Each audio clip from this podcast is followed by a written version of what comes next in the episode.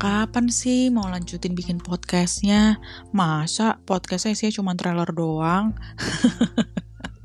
Iya sih, emang emang kemarin itu jujur aja nih emang baru trailernya doang. Jadi itu cuman kayak uh, gambaran beberapa pertanyaan yang sering banget ditanyain sama teman-teman aku yang seperjuangan sama aku lagi melawan hipertiroid maupun sama teman-teman yang awam sama apaan sih tuh hipertiroid gitu-gitu. Nah, sekarang aku mau nepatin janji aku itu. Aku mau kembali lanjutin podcast ini dan aku sih pengennya ini jadi kayak obrolan yang serius tapi santai biar kalian tuh enak juga buat ngedengerinnya. Bisa sambil tetap beraktivitas dan juga gampang buat dimengerti atau dicerna. Jadi nggak pakai bahasa yang berat-berat banget gitu. Ibaratnya kayak kita lagi ngobrol aja gitu. Nah di sini aku pengennya juga biar kita ngerasa kita tuh nggak sendiri. Kalau memang kalian juga sedang melawan hipertiroid atau berjuang melawan hipertiroid, kalian harus bisa kayak uh, berdamai dengan keadaan kalian dan taruh di pikiran kalian dan di hati kalian kalau kalian tuh nggak melalui ini sendiri. Banyak juga orang-orang yang sedang berjuang, termasuk aku salah satunya.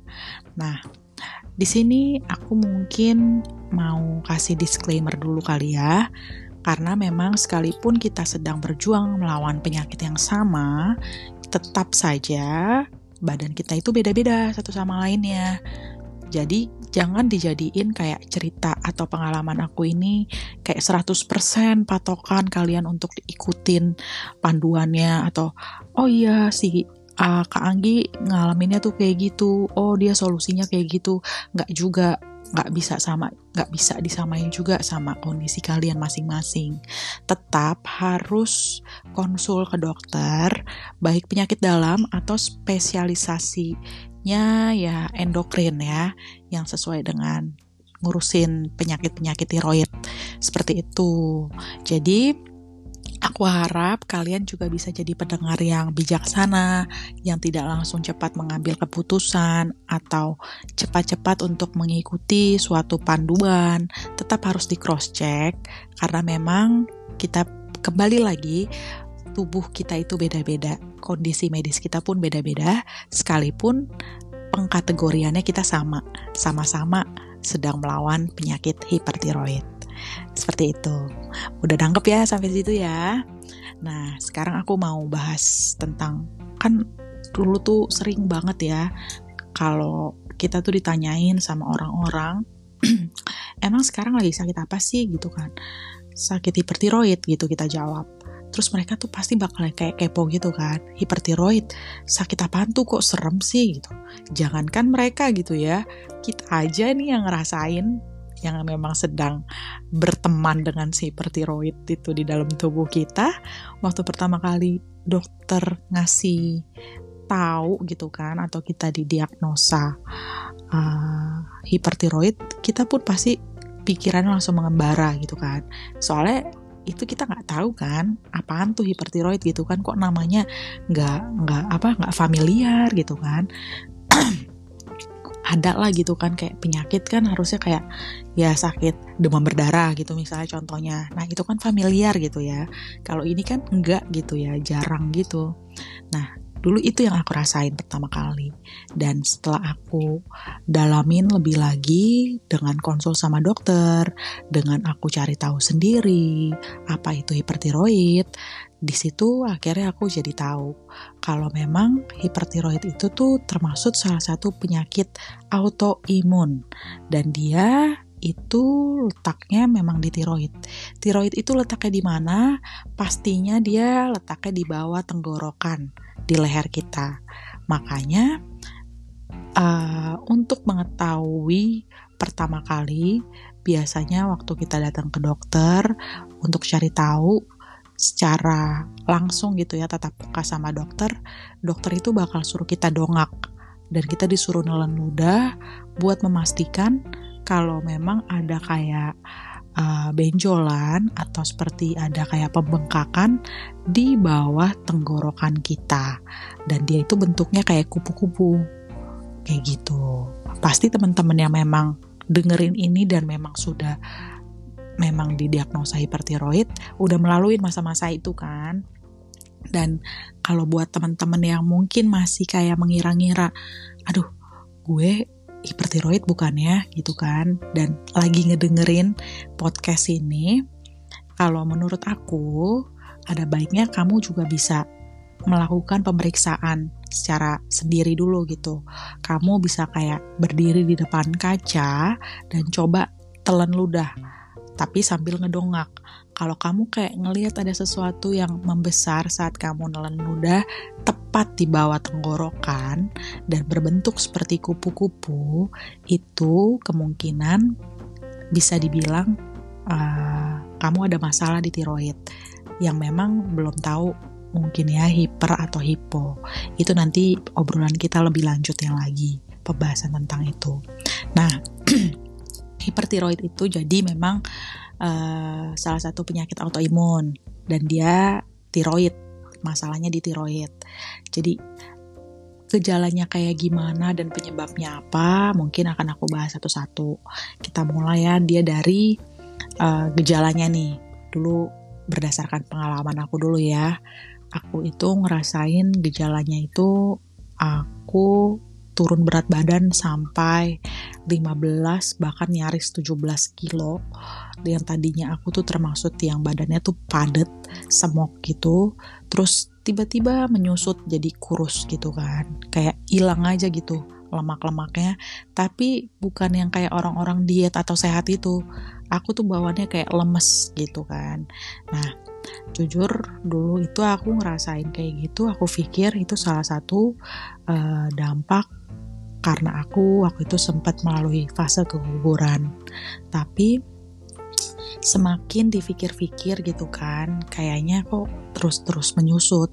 Dan kalau aku lihat teman-teman aku mungkin ada yang pernah ngalamin fase keguguran dan juga aku baca-baca di jurnal, internet gitu, kayaknya hmm, nggak mm, nggak banyak yang kayak turun drastis berat badannya gitu nggak gitu kan jadi aku masih kayak terus gue kenapa nih? gitu kan. Terus habis itu tangan aku tremor. Kayak aku nggak pernah tuh tangan kayak bergetar-getar gitu tremor kayak uh, ibaratnya kayak kedinginan gitu. Padahal aku nggak kedinginan gitu cuman tanganku gemetar atau ya bahasa kedokterannya tremor. Habis itu aku tuh suka banget gampang keringetan, cepet banget keringetan itu juga sempet aku mikirnya karena aku banyak minum air gitu kan ya. Dan memang aku cepet gitu untuk berkeringat karena memang ya seperti itu gitu. Metabolismeku aku pikir ya cepet tapi masih dalam batasan wajar pikirku waktu itu kan. Nah tapi makin ke sana-sana kok kayak makin gak beres gitu. Apalagi dibarengin sama perasaan aku yang suka kayak moodian atau mood swing dan juga jantung aku yang kayak berdetaknya tuh di luar batas normal karena dia detakannya jadi kayak cepet banget gitu sekalipun sekalipun aku lagi nggak melakukan aktivitas apa pun. Kadang-kadang kan kalau kita lagi lari atau jangankan lari lagi jalan cepet atau melakukan aktivitas itu masih wajar ya kalau detak jantung itu kayak dipacu gitu. tapi kalau aku waktu itu ngerasanya aku lagi nggak ngapa-ngapain lagi santai aja gitu kan. Lagi duduk depan TV atau lagi main-main handphone.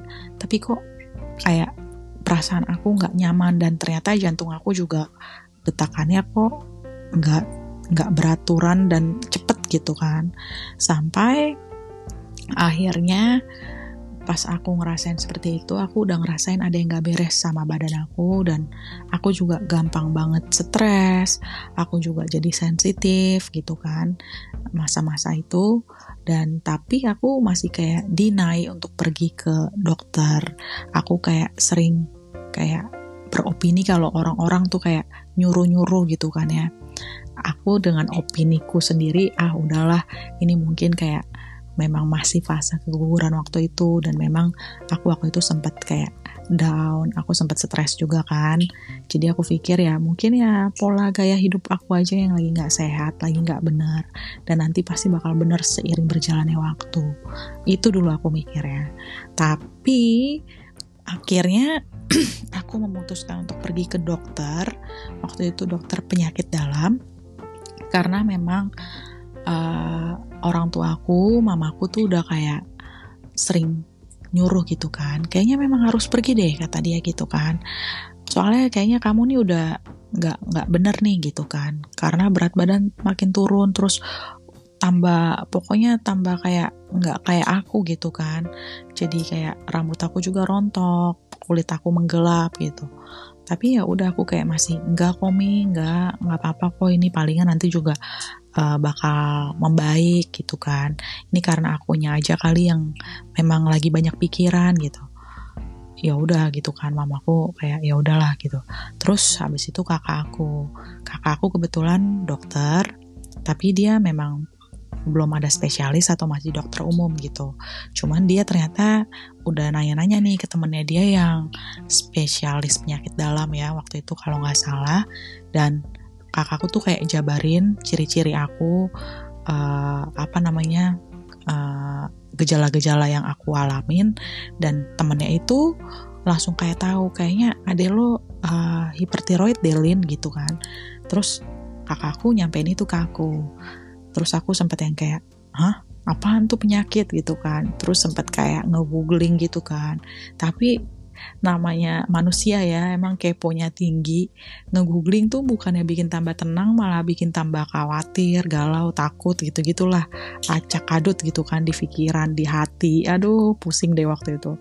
Tapi karena kakakku udah bilang kayak gitu udah lagi nggak ada salahnya buat cek aja dulu ke dokter gitu ya udah. Akhirnya aku dan suami suamiku juga udah mulai khawatir kan. Kayaknya iya deh mah kamu harus tetap cek gitu kan. Ya udah akhirnya aku yang keras kepala ini pada dasarnya pada awal-awalnya dulu ya aku ya udahlah ke dokter aja. Waktu itu kita pergi ke dokter. Dokternya tuh di uh, rumah sakit di bilangan Pulau Mas. Karena rumah orang tuaku waktu itu nggak jauh dari situ. Dan kita tuh sempet mau ke salah satu rumah sakit di bilangan Salemba tapi waktu itu karena memang lagi lebaran ya lebaran tahun 2019 tuh musim-musim lebaran libur jadi rumah sakitnya sempat ada yang tutup gitu. Akhirnya kita pergi ke salah satu rumah sakit swasta di Pulau Mas. Nah aku konsul ke dokter spesialis penyakit dalam. Jujur aja nih seumur hidup aku aku tuh nggak pernah yang namanya ng ngalamin sakit yang kayak gitu gitu ya. Waktu itu umur aku 27 ya 27 jalan 28 nggak pernah aku ngalamin penyakit kayak gitu. Penyakit aku tuh sebenarnya penyakit penyakit biasa banget gitu yang cuman sakit gitu kan sakit flu gitu pusing atau kayak paling parah ya radang tenggorokan. Sama dulu pernah kena demam berdarah waktu aku masih SMP tapi itu juga ya langsung diobatin dan udah sembuh gitu kan. Nah kali ini kok kayaknya gimana gitu ya aku ngerasanya kan. Ya udah setelah aku pergi ke dokter dokter itu cuman kayak nanya-nanya dan dia kayak yang tadi aku bilang di awal dia suruh aku dongak gitu kan. Terus suruh aku nelen ludah sesimpel itu dia langsung bisa bilang kamu kena hipertiroid. Wah kali kedua gitu kan aku pikir. Ini waktu itu kakak aku yang bilang berdasarkan info temennya dan sekarang aku dengar dari dokter langsung gitu kan. Aku hipertiroid dan di situ mulailah kepo aku meningkat gitu kan. Aku mulai nanya hipertiroid itu apa dok? Gitu kan. Penyakit apa kok dokter? Langsung bisa bilang saya hipertiroid. Terus dia uh, suruh aku tangan aku aku panjangin gitu kan. Terus dia taruh aku uh, taruh satu kertas di atas tangan aku untuk melihat kalau aku tuh tremor gitu kan memastikan aku tremor. Dan benar kan. Dan tadinya aku tuh masih kayak uh, emang ini semua meru, mer, mengarah ke sana gitu dok. Kalau aku kena hipertiroid gitu. Iya soalnya kamu tadi udah sebutin kamu uh, ngerasanya kayak gimana gitu kan. Terus apa yang kamu rasain apa yang gejala-gejala kamu alamin gitu kan. Terus uh, untuk lebih memastikannya gimana dok? Pengobatannya gimana? Mulailah kan aku tanya. Dia sih di situ bijaksana juga ya. Dia bilang dia mungkin di situ bisa diagnosa secara verbal, tapi tetap harus dipastikan dengan cek lab atau ambil darah buat memastikan aku ini kena hipertiroid atau mungkin bisa penyakit lainnya gitu kan. Karena memang bisa aja kan ngaruhnya ke yang lain-lain gitu kan atau bisa aja gejalanya sama tapi penyakitnya ternyata bukan itu. Jadi dokter tetap nyaranin harus ambil darah gitu. Nah, dari situ aku belum tahu ternyata hiper itu dia punya uh, kembaran tapi tak sama. Maksud aku hipotiroid itu. Cuman memang setelah aku cari tahu juga secara sendiri pribadi gitu kan lewat internet di situ lebih banyak kayak uh, kalau hipo itu yang bertolak belakang dengan hiper gitu. Kayak salah satu contohnya nih, aku kan turun berat badan drastis. Kalau hipo itu dia berat badannya naik drastis, bisa dibilang drastis. Padahal konsumsi makannya nggak banyak gitu. Sementara kalau hipertiroid itu kayak kita makan tuh barbar gitu kan, banyak aja gitu kan. Tapi kayak cepet banget gitu untuk dibuang sama badan ini dan cepet banget kurus lagi gitu kan kayak nggak diserap sama badan gitu. Nah di situ aku bilang sama dokternya oke okay, aku bakal ambil darah. Dan ya udah akhirnya aku ambil darah dan keluarlah hasilnya. Ternyata benar positif nih aku kena hipertiroid. Memang jujur nggak bisa dipungkirin awal pertama aku denger aku hipertiroid itu aku sempat kayak down. Terlebih kayak banyaklah cerita-cerita di internet yang kadang-kadang menakut-nakuti gitu kan ya. Dan aku kayak ngerasa emang semengerikan itu apa ya? gitu kan. Jadi tapi aku tetap kayak berdoa gitu kan. Kepercayaanku aku berdoa aku orang Kristen aku Kristiani jadi aku kayak uh, berdoa gitu kayak minta petunjuk sama Tuhan kayak yang ini apa? gitu kan penyakit apa gitu. Dan aku berusaha buat kayak tetap berpikiran positif kalau penyakit ini pasti eh, nggak uh, semengerikan yang orang-orang mungkin gambarkan di internet gitu. Ya udah aku ikutin aja semua proses pengobatan dari dokter dan penjelasan lebih lanjutnya lagi. Di situ banyak info yang bilang memang kalau hipertiroid itu kita kayak metabolisme tubuh kita tuh jadi cepet banget sekalipun kita nggak banyak aktivitas. Apalagi banyak aktivitas bisa lebih cepat kuadrat gitu metabolisme tubuhnya. Kayak misalnya dianalogiin sama mesin mobil. Aku inget dulu salah satu dokter aku itu dia bilang seperti itu. Dia bilang ibaratnya nih mobil dia tuh nggak dipakai gitu kan. Tapi dia tuh cepet habis bensinnya Nah, seperti itu. Itulah badan kita gitu kan. Jadi cuman kayak uh, dinyalain doang gitu kan. Tapi nggak nggak dipakai jalan, tapi cepet habis bensinnya gitu. Jadi kan kayak aneh kan, di mana-mana bensin cepet habis, dinyalain mobilnya sekaligus dipakai buat jadi transportasi, dipakai jalan. Lah ini kan kayak cuman diam doang gitu, di tempat tapi bensinnya bisa cepet banget habis gitu, nggak normal kayak gitulah metabolisme tubuh kita. Jadi kayak makanan tuh banyak masuk tapi diprosesnya secepat itu gitu kan. Kayak dipakai kayak dipakai buat uh, jalan gitu. Padahal mah enggak gitu. Jadi memang sedikit membingungkan tapi ya itulah emang hipertiroid itu seperti itu. Contoh lainnya lagi nih kalau aku gampangnya sih ya kayak handphone.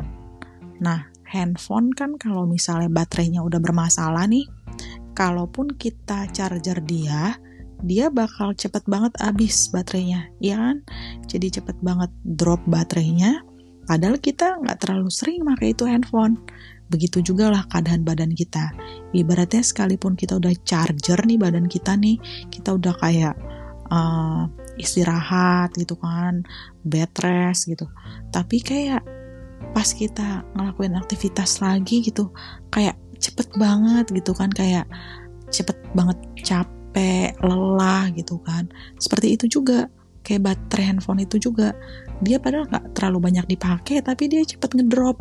Kayak gitulah analogi badan kita yang udah sedang dalam melawan atau pengobatan hipertiroid ini. Jadi pas aku tahu itu ya udah aku berusaha kayak tetap positive thinking salah satunya itu dengan berdoa. Makanya di sini aku mau bilang sama teman-teman sekalian apa pun agama kalian kalau kalian muslim kalian banyak-banyak sholat banyak-banyak doa pribadi dan kalau kalian juga Kristen Kristen, kalian juga banyak-banyak doa, doa pribadi juga. Jadi kayak kita kayak minta ketenangan itu dari Tuhan gitu. Karena memang cuma Tuhan doang kan yang sumber damai itu yang bisa membolak-balikan pikiran manusia dan memberikan ketenangan di hati kita gitu. Jadi itu sih salah satu uh, kekuatan terbesar buat aku kalau memang sampai saat ini aku bisa kayak orang-orang tuh kayak apa namanya kayak lo happy happy aja gitu kan. Ya itu salah satunya. Aku banyak banyak doa aja gitu. Karena memang ya itu jawaban dari sumber damai kita itu ya itu gitu kan.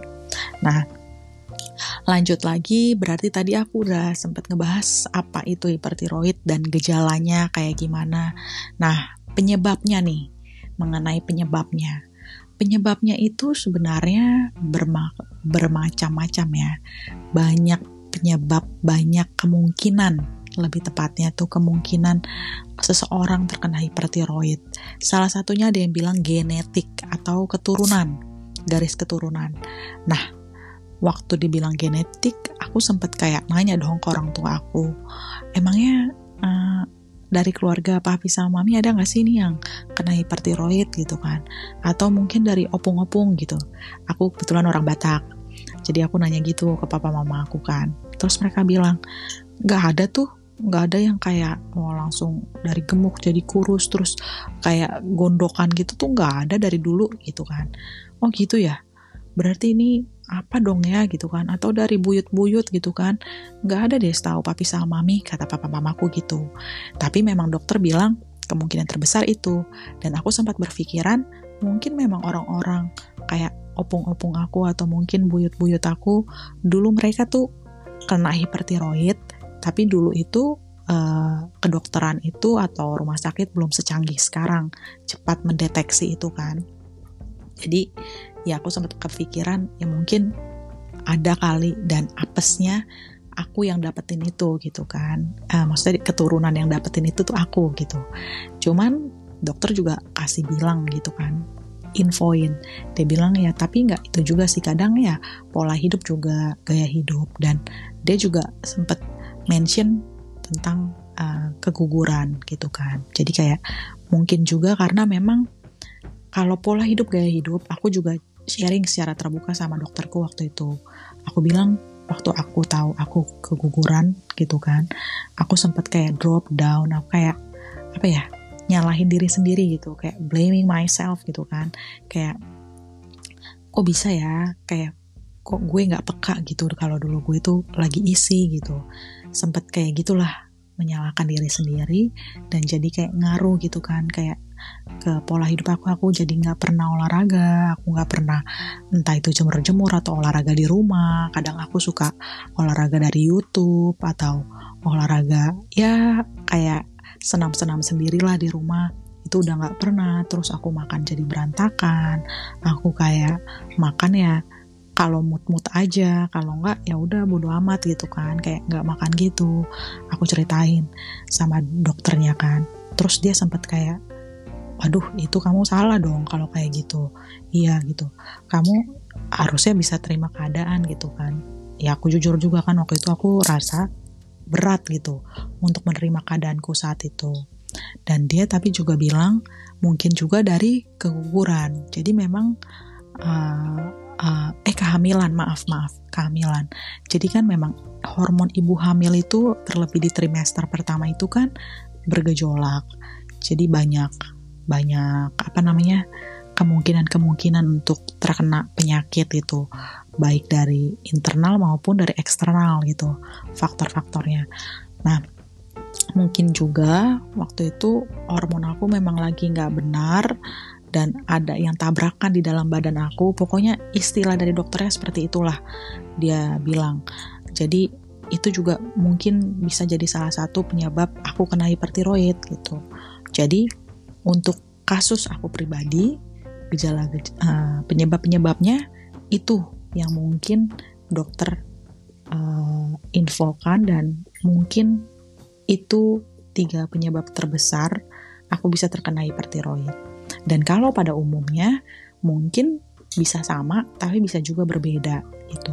Tapi yang paling sering banget dijadikan uh, patokan penyebab itu genetik dan biasanya orang terdekat memang ada yang sama. Misalnya kayak mamanya atau papanya gitu. Tapi kan kalau di kasus aku beda gitu kan. Jadi dokter kayak uh, membukakan uh, penyebab-penyebab kemungkinan penyebab-penyebab lainnya. Ya dua poin tadi. Antara pola hidup aku, pola pikiran aku dan juga atau waktu aku lagi dalam masa-masa kehamilan awal-awal aku. Seperti itu. Itu. Nah itu sebenarnya tadi aku cerita udah cukup jelas belum ya? Dan itu sebenarnya udah termaksud kayak pengalaman aku juga sih. Pengalaman awal-awal aku tahu aku didiagnosa hipertiroid dan aku harus kayak berdamai sama diri aku sendiri. Karena aku nggak pernah seumur hidup sakit kayak gitu yang kayak tadi aku udah bilang aku tuh sakit cuman yang sakit ecek-ecek doang gitu istilahnya dan cepet sembuh dan tiba-tiba kena penyakit seperti ini dan yang parahnya lagi aku minum obat waktu itu banyak banget. Adalah obat buat hipertiroidnya dan itu dosisnya lumayan besar ya waktu itu dikasih ya. Waktu itu aku kalau nggak salah PTU teman-teman yang pada sedang berjuang melawan hipertiroid pasti udah nggak asing lagi sama PTU terus dikasih obat jantung terus juga dikasih obat apa ya waktu itu ya aku sempet kayak gatel-gatel gitu juga terus sempet juga dikasih obat uh, apa ya oh aku sempet jadi kena mah padahal seumur hidup juga aku nggak pernah kena mah aku dikasih obat mah juga waktu itu sempat terus macam-macam deh pokoknya ada beberapa pokoknya bisa kali dalam sehari itu aku minum ada uh, berapa ya total totalnya lebih kali dari 10 obat gitu. Tapi ya sekarang setelah satu setengah tahun mm, melalui pengobatan puji Tuhan ya aku udah tinggal satu obat doang nih yang aku konsumsi. Tinggal uh, dan itu pun cuma 5 mg dan gak tahu nih ke depannya nanti disuruh stop dulu sementara atau kayak gimana masih belum tahu. Karena bener-bener baru kemarin banget aku baru ambil darah lagi dan nanti hasilnya keluar baru beberapa hari lagi atau mungkin uh, lusa kayaknya udah keluar dan nanti aku akan konsul lanjutan dulu lagi sama dokter endokrin aku. Gitu. Hmm, terus apa lagi ya? So far sih untuk pengalaman-pengalaman awal-awalnya sih seperti itu ya. Sama kayaknya sering juga kan uh, ditanya gitu kan obat-obat atau vitamin pendukung buat badan gitu kan biar bisa lebih sembuh merasa nggak terlalu berat badannya gitu kan dalam artian berat dalam artian tuh kayak nggak ngerasa cepet banget capek atau lelah gitu ya Nah waktu itu aku sempat nanya sama salah satu dokter yang megang aku. Dia sempat bilang sebenarnya vitamin itu tuh nggak terlalu penting. Maksudnya kayak yang kapsul-kapsul gitu. Karena memang dari makanan yang kita makan pun itu sebenarnya udah banyak mengandung vitamin gitu kan. Jadi nggak usah dikonsumsi juga sebenarnya nggak apa-apa. Tapi kalaupun mau dikonsumsi juga ya nggak apa-apa juga gitu palingan sih ya disaraninnya ya lebih kayak vitamin-vitaminnya tuh kayak yang vitamin C gitu kan. Terus uh, vitamin E dan dia bilang juga kalsium itu sebenarnya penting gitu kan buat kita yang hipertiroid tuh. Jadi kita kayak disuruh juga banyak minum susu gitu. Kalau aku dokter aku tuh sempat bilangnya kayak gitu. Jadi dia nggak nyuruh ngindarin susu gitu. Karena kemarin sempet juga kan ada yang nanya e, kak emang hipertiroid itu boleh ya minum es krim gitu kan. Es krim kan bahan bakunya susu ya dan aku kan termasuk yang suka banget gitu sama es krim tapi aku nggak terlalu suka sama susu gitu. Emang aneh tapi nyata ya. Tapi ya itu kenyataannya dan aku udah bolak-balik cross check gitu kan nanyain uh, ke dokter endokrin dan dia bilang itu nggak masalah malah bagus. Itu uh, untuk kepadatan tulang kata dokternya gitu. Jadi sebenarnya kalau nggak suka susu suka es krim ya bagus itu alternatif yang bijaksana dia bilang gitu. Ya udah kan berarti memang nggak ngerti untuk di badan aku doang atau memang untuk semua orang hipertiroid dokter aku ngomong gitu. Tapi itu info yang aku dapatkan gitu. Jadi memang nggak perlu untuk pantangan yang minum susu. Mungkin teman-teman nanya kayak gitu ke aku lihat baca artikel di internet ya. Aku juga sempat beberapa kali baca seperti itu. Tapi tetap kan balik lagi kita harus bisa bijaksana. Kita tanya ke dokter yang memang memahami. Jadi nggak cuma sekedar uh, dapetin informasi dari internet gitu aja. Tetap harus double check gitu seperti itu salah satu contohnya ya. Terus juga dia bilang selenium kayak telur. Sebenarnya putih telur tuh bagus banget buat kita juga. Terus kayak waktu itu aku pernah sharing juga di Instagram di Instagram feed aku tentang uh, minyak, tentang garam, tentang apa ya waktu itu ya. Adalah waktu itu aku bahas-bahas kan. Apalagi ya seputar orang-orang yang sering banget berpikiran kena hipertiroid karena minyak lah, karena garam lah. Sebenarnya enggak juga, enggak juga gitu kan. Mungkin nggak tahu kenapa mereka menyimpulkan seperti itu, tapi sebenarnya nggak juga karena permasalahan itu dan bahkan bukan itu penyebabnya gitu. Karena dokter aku bolak-balik bahkan ya mungkin dia sampai bosan kali. Tiap aku konsul tuh nanya tentang garam sama hipertiroid gitu kan. Bahkan kemarin Aku juga sempat nanya itu lagi dan dokter bilang gak ada sangkut pautnya. Malah garam itu dibutuhkan sama tubuh. Nah bener juga kan jawabannya ya gitu-gitu terus. Jadi ya emang kita nggak bisa musuhin garam gitu kan. Garam itu kita butuhkan bahkan di dalam tubuh kita dia. Dia berproses, dia membantu proses mineral bekerja dalam tubuh kita. Seperti itu. Jadi ya untuk vitamin kembali lagi ya untuk vitamin atau obat-obat lainnya aku juga lebih sering pakai yang herbal-herbal aja gitu sih kadang kalau di rumah bikin hmm, kunyit, jahe, temulawak gitu-gitu.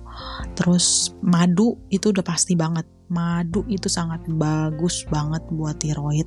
Kalau bisa harus benar-benar madu asli atau madu pokoknya semua jenis madu tapi pastikan madunya itu memang benar-benar madu, madu asli gitu ya, nggak ada campuran aneh-aneh lainnya. Itu bagus banget buat tiroid untuk dikonsumsi tiap hari juga bagus. Kalau kalian mau tahu madu-madu apa aja yang aku konsumsi tiap hari, itu pernah juga aku share di Instagram feed aku. Dan ada juga aku bikin di highlight gitu kan. Itu itu doang. Aku muter-muter maduku di situ-situ doang, nggak berubah-berubah lagi gitu. Terus kalau hmm, kayak kalau kalian juga ngikutin aku di Instagram, aku itu sering banget konsumsi uh, rasa Nusantara kayak sapu jagat, kayak uh, uh, kemarin peraya guna aku tambahin kan, ada sekar jagat dan itu semua bisa diminum berbarengan. Jadi nggak usah takut gitu kan kalau bisa diminum semuanya berbarengan dan kandungannya aneh-aneh? Enggak enggak sama sekali. Itu kandungannya yang juga memang uh, kita temuin di di dapur kita gitu. Dan gampang ditemuin di pasar tapi mungkin akunya kali ya. Aku kan tahu sendiri lah kalau hipertiroid kita gampang capek. Jadi buat memproses sesuatu tuh atau buat bikin sesuatu kadang tuh butuh energi ekstra gitu kan. Jadi kadang aku ya udahlah bikin simpelnya aja. Kalau memang lagi ada berkat, lagi ada rejeki, ya kita beli sekaligus membantu perekonomian Indonesia kan, karena itu brand lokal. Biar perekonomian kita juga tetap muter, ya aku konsumsi itu dan memang kan ada uh, pengaruh positifnya juga buat badan aku. Gitu. Jadi apa ya? Uh, apalagi ya? Sama paling ya gitu deh aku berusaha juga buat makan makanan yang memang uh, balik lagi ke alam gitu ibaratnya kayak banyak-banyak buah, banyak-banyak sayur. Kalau emang nggak terlalu suka sama buah atau sayur, bikin alternatif gitu kan. Kayak gimana ya caranya nih gue biar gue bisa suka gitu. Ya kita kita bikin jus, kita bikin smoothie, pokoknya bikin uh, senyamannya kita dan biar badan kita tetap mengkonsumsi itu semua dan dapetin asupan-asupan gizi dan nutrisi yang baik terlebih mendukung badan kita untuk bisa melawan si hipertiroid itu. Seperti itu. Hmm, kayaknya buat sesi pertama ini atau episode pertama ini cukup di situ aja kali ya aku bahasnya. Mungkin pertanyaan-pertanyaan lainnya nanti bisa aku bahas di sesi selanjutnya. Dan kalau memang ada yang mau ditanyakan, boleh DM aku di IG. Untuk podcast ini aku masih kurang tahu ya. Aku masih termasuk baru nih di dunia podcast. Kalau kalian mau nanya-nanya kayak gimana, mungkin bisa langsung ke Instagram aku terlebih dahulu dan bisa DM aku di sana. Nanti bisa kita bahas bareng-bareng lagi dan mungkin bisa uh, aku jawab juga nanti di Instagram. Seperti itu. Ini dulu pembahasan untuk saat ini, semoga cukup membantu. Dan mohon maklum ya kalau misalnya belum terlalu bisa panjang-panjang banget karena badan masih belum terlalu bersahabat banget. Dan aku harap informasi ini bisa bermanfaat. Dan kalian yang dengerin juga bisa merasa tersupport gitu kan kalian gak usah khawatir, gak usah takut kalau kalian ngelaluin ini semua sendiri. Jangan sama sekali berpikiran seperti itu. Banyak orang-orang di luar sana yang juga sedang berjuang sama seperti kamu, salah satunya aku.